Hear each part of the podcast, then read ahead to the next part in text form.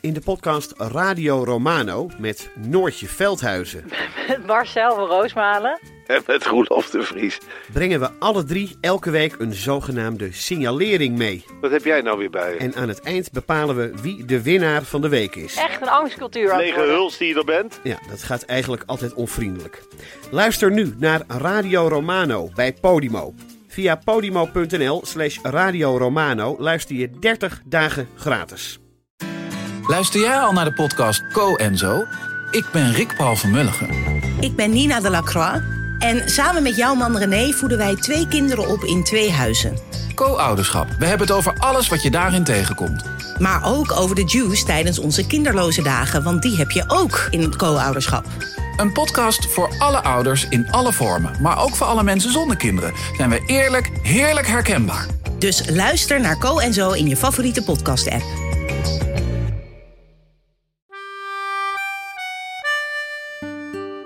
Dit is Man met de microfoon. Met iedere week echte en bijna echte verhalen.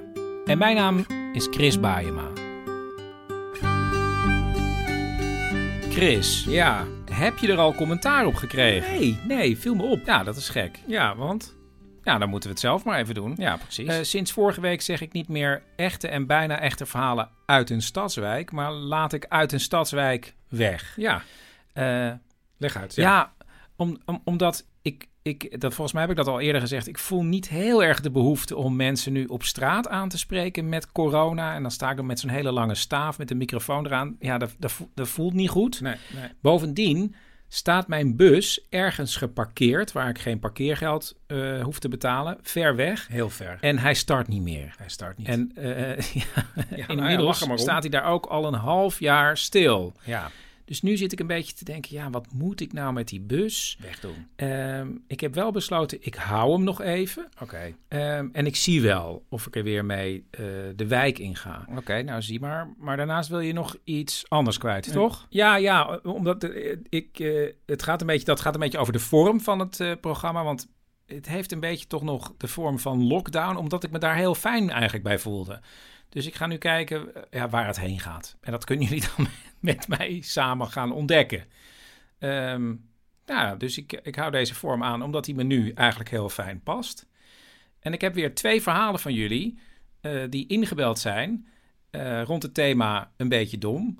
Het nummer waarbij je je eigen verhaal zou kunnen inbellen, geef ik helemaal aan het einde. Maar dit is het verhaal van Frans en zijn bus. Ja, eh, wanneer was het WK in eh, Zuid-Afrika? Was dat 2010? 10. Ja, 2010. ja. Het was 2010 en dit ging eraan vooraf. Mijn vrouw en ik, José, hebben eigenlijk eh, al jarenlang een droom dat wij een, eh, een camper hebben. Maar ja, die droom wilden ze werkelijkheid maken. En dus gingen ze kijken op internet. En eh, daar troffen wij ineens een oude DAF-bus. Zo'n bus die vroeger door de straat reed met de bibliotheek erin. Dit, eh, dat ken je misschien van vroeger. Dat, eh, vroeger reed de bibliotheek, die kwam naar je toe. En dan ging met zo'n zo'n puff ging die deur open. Zo pss, en dan stap je naar binnen. En dan, in mijn geval was daar een hele lieve bibliotheekjuf die, die wist wat voor boeken ik leuk vond. En nou, wat, eh, dat, was, dat is een hele dierbare herinnering. En precies die DAF-bus, in die kleuren, eh, die stond te koop op Marktplaats. Ja, en die werd verkocht door ene Jan. Dus zij maken een afspraak en gaan naar hem toe. We kwamen bij een, eh, een, een of andere loods in Amsterdam-Noord. En daar stond die bus in, ja, een beetje achterin verscholen tussen allerlei andere dingen. Een hele aardige man, een wat oudere heer. Niet zo'n typische chageraar. Eh, die begon meteen van ja, ik, eh, ik, ben, eh, ik ben hem aan het opknappen en hij moet nog een beetje af. Maar ik heb hem jarenlang gebruikt voor mijn kinderen. En nou, hij had een heel verhaal eromheen. Ja, oké, maar wat dachten Frans en José toen ze de bus zagen? Hij is wel heel erg groot. En, ehm, en, maar dat snoetje joh, het is zo'n leuk snoetje. Ja, een leuk snoetje Frans, maar hij was dus heel erg groot. Hij was zo groot dat je er een groot rijbewijs voor nodig had, toch? Ja, maar dat zijn van die, dat zijn van die prozaïsche, triviale details waar je niet over na wilt denken, joh. Als je in oog in oog staat met zo'n, met zo'n DAF-bus, dan denk je dat groot rijbewijs heb ik eigenlijk al. Ja, en als je het grote rijbewijs al min of meer hebt, dan rest maar één vraag. Nou, wat moest hij ervoor hebben? Ja, 10.000 euro. Ehm, en geen cent minder. Ik was ook niet over te onderhandelen, dat was die waard. Frans en José rijden naar huis en keren daar alle potjes om en kijken of ze die 10.000 euro bijeen kunnen krijgen.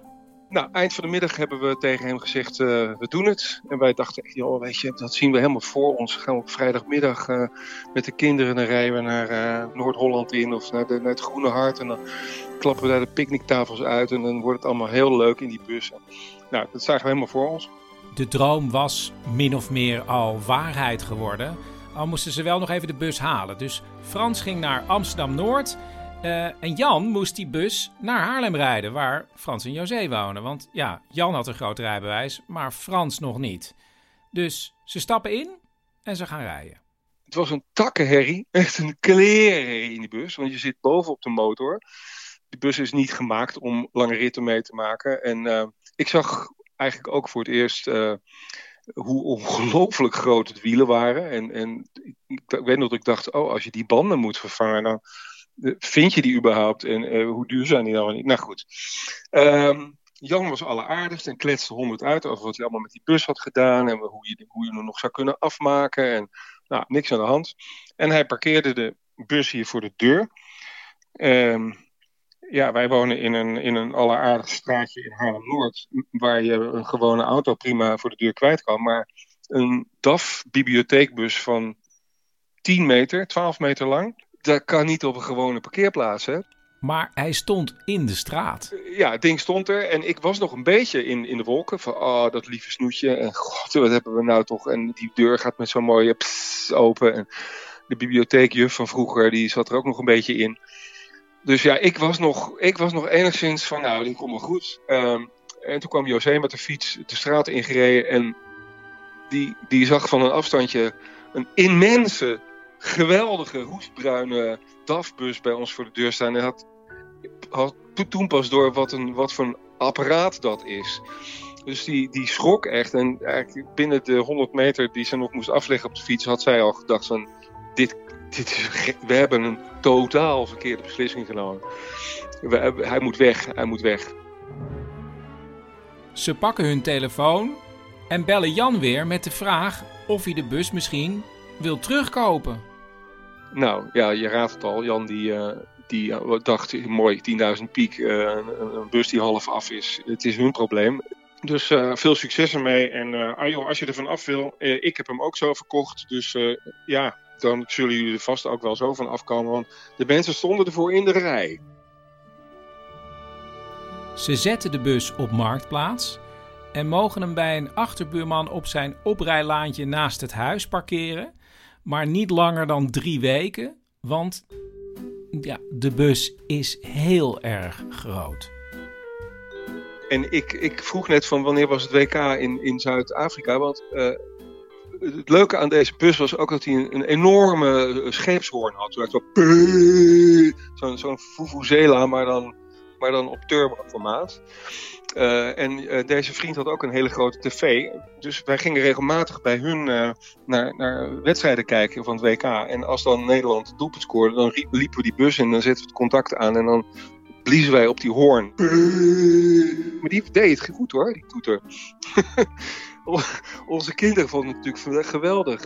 Maar hoe stond het met de verkoop? Nou, advertentie werd nauwelijks bekeken. Als je alles gebeld werd of een, een, berichtje kreeg en je noemde de prijs, dan werd daar hartelijk om gelachen. En de tijd kroop voorbij. De drie weken dat hij op de oprijlaan bij de buurman mocht staan, waren bijna voorbij. Op de allerlaatste dag werden we gebeld door uh, Jurgen uit Duitsland of die bus er nog was, ja, die was er nog. En uh, ja, hij was precies wat hij zocht. En uh, of hij nu nog langs kon komen. Nou ja, het was zeg maar vrijdagmiddag. Nou ja, dat kan. Uh, ja, ik ben er in, in, in drie uur. Hij leek echt zoiets te hebben van, ja, als ik nou niet opschiet, dan is hij dadelijk weg. Dus Jurgen stapt in de trein en... Hij was er om, om, om kwart voor zeven en hij, hij startte die motor. Hij heeft er een stukje in gereden. Hij had kennelijk wel zijn groot rijbewijs. En hij zei, ik, ik koop hem, wat wil je ervoor hebben? Nou ja, 10.000 euro willen we ervoor hebben, Jurgen. Waarop hij zei, nou ja, mag ik hem voor 9 meenemen? ik denk dat je wel raadt dat wij toen hebben gezegd, nou, uh, weet je, vooruit.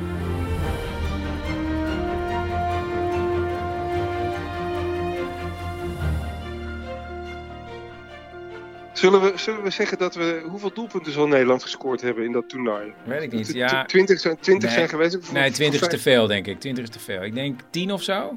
Nou, dan hebben we voor 100 euro per doelpunt hebben we, hebben we ontzettend veel lol gehad.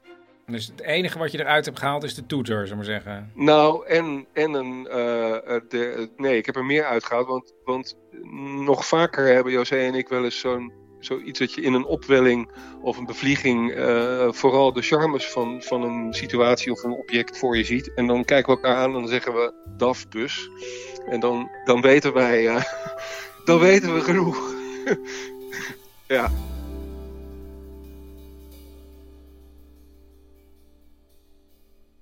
Hoor je mij nu?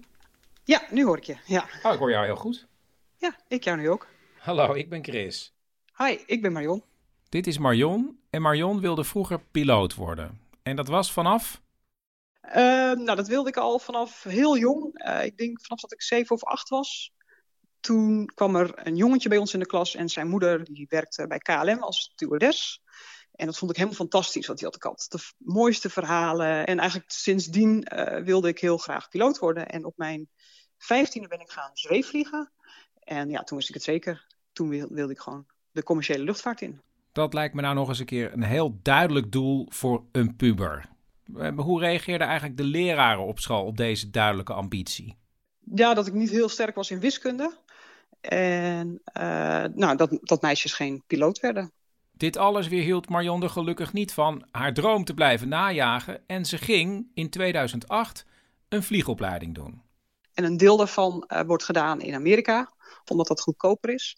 In het kort komt het erop neer dat ze in Arizona ging wonen op een campus met andere studenten om zoveel mogelijk te kunnen vliegen. En hoe was dat? Het was zwaar, omdat je, je zit intern. En het, eigenlijk het enige wat je doet is naar, naar school gaan, lessen volgen. En dan studeren voor je examens. Uh, en dat is pittig. En ik vond het in het begin heel leuk dat het natuurlijk van ja, het merendeel is uh, jongens, of ik denk 90 procent. Maar het, was, ja, het, was, het is soms uh, in die zin lastig dat je veel aandacht krijgt en uh, dat je al snel populair bent. En dat was ik eigenlijk niet zo gewend, want ik ben niet iemand die altijd heel populair was. Uh, ja, je kan je, je niet echt je, je vrouwendingen delen. Je moet je een beetje opboksen tegen al die mannen. En in die mannenwereld is het ook gewoon heel hard studeren en vliegen. En er werd zo nu dan ook wel eens een feestje gegeven. Ja, want dit verhaal gaat eigenlijk over iets wat gebeurde op zo'n avond dat er een feestje werd gegeven. Marion. Nou, het feestje begon en het was heel erg leuk. Er werden natuurlijk allemaal spelletjes gedaan en mensen in het zwembad gegooid. Dat is ook een beetje traditie daar als je met je uniform uh, bij het zwembad kwam. Uh, nou, dat was een heel leuk feestje. En op een gegeven moment ging ik naar mijn kamer om alcohol te halen. En dat, mijn kamer was soort van gekaapt door wat mensen, wat ik niet heel leuk vond. En toen dacht ik, ik ga die alcohol hier weghalen voordat ze het allemaal opdrinken. Dus ik bracht dat naar de kamer van een jongen uit mijn klas, die ik ook wel leuk vond. Uh, leuk vond? Nou, je was gewoon in hem geïnteresseerd. Ik was in hem geïnteresseerd. Iets meer dan dat, denk ik wel. En dat wist hij ook wel, uh, maar het was natuurlijk wel een enorme flirt. En er was nog een ander meisje, uh, die hij ook wel heel erg leuk vond. Marion zet dus drank in de kamer van die jongen. En dan is het weer een tijdje later. We waren lekker een feestje aan het vieren. En uh, ik dacht, ik haal nog even een fles alcohol van zijn kamer. Toen zat hij met dat meisje uh, op zijn kamer en hij wilde de deur niet open doen. En dat vond ik een beetje flauw, want we hadden een feestje en de alcohol lag daar. Andere jongens geprobeerd. Nou, dat was niks. Inmiddels had ik natuurlijk redelijk wat gedronken. En ik dacht, ik ga een sigaretje roken. En dus loopt ze naar buiten, want dat moest toen ook al in Amerika, buiten roken. En daar stond ze. En ik voelde me een beetje verdrietig en alleen. En uh, op de achtergrond hoorde ik het feestje. En dan kwamen mensen langs van, hé, hey, kom terug naar het feestje. Maar ik dacht, ik blijf er nog even zitten. En op een gegeven moment was ik zo boos dat het gewoon echt letterlijk zwart voor mijn ogen werd. En ik heb dus in mijn woede heb ik een asbak door zijn raam heen gegooid. Een raam? Asbak er doorheen? Klein deukje misschien erin? Nu denk je, nou ja, goed, een raam, asbak er doorheen, een klein deukje misschien erin. Maar het feit wil dat het niet een klein as tafelasbakje was, maar het was eigenlijk een bloempot van, ik denk, 40 centimeter doorsnee, gevuld met grind. En hoe ik het gedaan heb, weet ik niet, want dat raam was ongeveer anderhalve meter van de grond. Maar ik heb dus in al mijn woede heb ik die asbak door zijn raam heen gegooid. Toen ben ik naar mijn kamer gegaan, de deur op slot gedaan. Uh, en een vriend ge-sms'd uh, dat of hij wilde komen praten, een andere jongen uit die klas. En ik heb het verhaal verteld en toen zei hij: Ja, je moet het uh, gewoon stilhouden. En stilhouden betekent dat ze het maar aan een paar mensen vertelt. En ook die avond nog aan de jongen op wie ze verliefd was. Die was ontzettend boos. Die, uh, die vond het echt een doodsbedreiging, omdat het een groot raam was en glasscherven die overal lagen. En die enorme asbak die natuurlijk daar in zijn kamer lag. Maar goed, ook hij besloot om het incident stil te houden. En toen ging alles gewoon verder. Ja, nou, het was de volgende dag en uh, ik was vrij. Het was natuurlijk allemaal ellendig. En dan kwamen mensen dat raam repareren. En ik probeerde allemaal een beetje op de achtergrond te zeggen: Oh ja, heel vreemd dat het gebeurd is. En toen, twee dagen daarna, hingen er overal briefjes. Uh, dat degene die het gedaan had uh, zich moest melden bij de schoolleiding. Want anders dan werd iedereen aan de grond gezet. Dus mocht niemand meer vliegen. Toen wist ze: Ik moet het gaan vertellen. Ja, toen ben ik schoorvoetend naar de schoolleiding gegaan. En dat zijn drie mensen in een kamertje. En ik moest daar even buiten wachten op een bankje. Dan hoorde je wel een beetje stevige gesprekken in de kamer waar ik ook moest zijn. Van mensen die nou, misschien iets verkeerd hadden gedaan of waar het niet goed mee ging met de opleiding. En ik zat er echt te huilen, want ik dacht, ja, dit is gewoon het einde van mijn carrière. Hier heb ik mijn hele leven voor gewerkt. Dit wil ik zo graag. Hoe heb, hoe heb ik zo dom kunnen zijn? Ja, en toen moest ik naar binnen. En toen zat ik daar voor uh, drie mensen. Die zeiden van, nou, wat kom je hier doen? Ik zei, ja, ik weet uh, wie dat raam kapot heeft gemaakt. Toen zeiden ze, oh, dat is uh, goed. En Marion, echt supergoed dat je komt. En we weten dat je onwijs goede leerling bent. maar je moet niet mensen verklikken omdat je heel graag wil vliegen. Toen zei ik, nou, dat doe ik ook niet, want ik ben het zelf geweest. En ze keken elkaar aan, toen keken ze mij aan. En ze moesten alle drie zo hard lachen, dat ik dacht van, wat is dit nou? Het hoofd van de opleiding keek haar aan en zei: Hoe heb jij in hemelsnaam die asbak kunnen optillen en zo hoog door het raam kunnen gooien? Ik zei: Om eerlijk te zijn, ik weet het niet. Toen zei ze: Je mag zelf ook best wel een beetje lachen, want het is best wel grappig, ondanks alles. Dus ik zei: Oh, maar word ik nu niet van school gestuurd? Toen zei ze: Nee, hier word je niet van school gestuurd. Toen zei ik: Oh, maar krijg ik dan een aantekening zodat ik nooit meer een baan vind? Toen zei ze: Nee, joh, doe niet zo gek. Maar ze zei: Je moet wel de schade vergoeden. En ze zei: Ik wil wel voordat je hier de deur uitloopt vertelt waarom je het gedaan hebt. en toen moest ik natuurlijk vertellen dat ik een oogje had op die jongen. En dat ik een beetje boos was geworden onder invloed van alcohol. En uh, dat het toen zwart voor mijn ogen werd. En uh, nou, ze moest, heel, zij moest er ontzettend om lachen. En ze snapte het helemaal. En ze zei: het is, Ik weet als geen ander dat het niet makkelijk is als een vrouw in een mannenwereld. Uh, en dat het soms. dat je dan, als je verliefd bent, soms rare dingen doet. En uh, toen zei ik, ja, dat klopt wel, maar dat is natuurlijk niet handig. En toen zei ze, nee, vanaf nu mag je ook niet, of raad ik je aan om niet meer alcohol hier te drinken en gewoon voor de rest lekker te vliegen. En uh, je moet het raam vergoeden. En uh, dan kun je weer lekker verder gaan met je opleiding. En dat heeft ze gedaan. Ze heeft de opleiding afgerond en is piloot geworden op een 737. En wat betreft de liefde, dat is ook helemaal goed gekomen. Want uiteindelijk heeft ze hier in Nederland een piloot ontmoet en sinds een jaar hebben ze een kindje.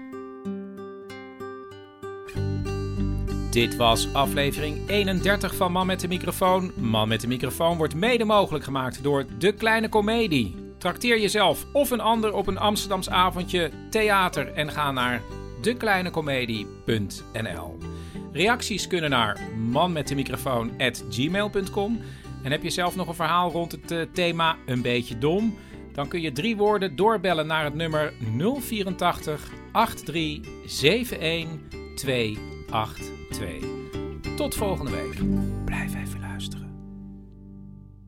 Ik heb altijd geroepen, ook omdat ik natuurlijk piloot wilde worden en wilde laten zien dat ik dat kon.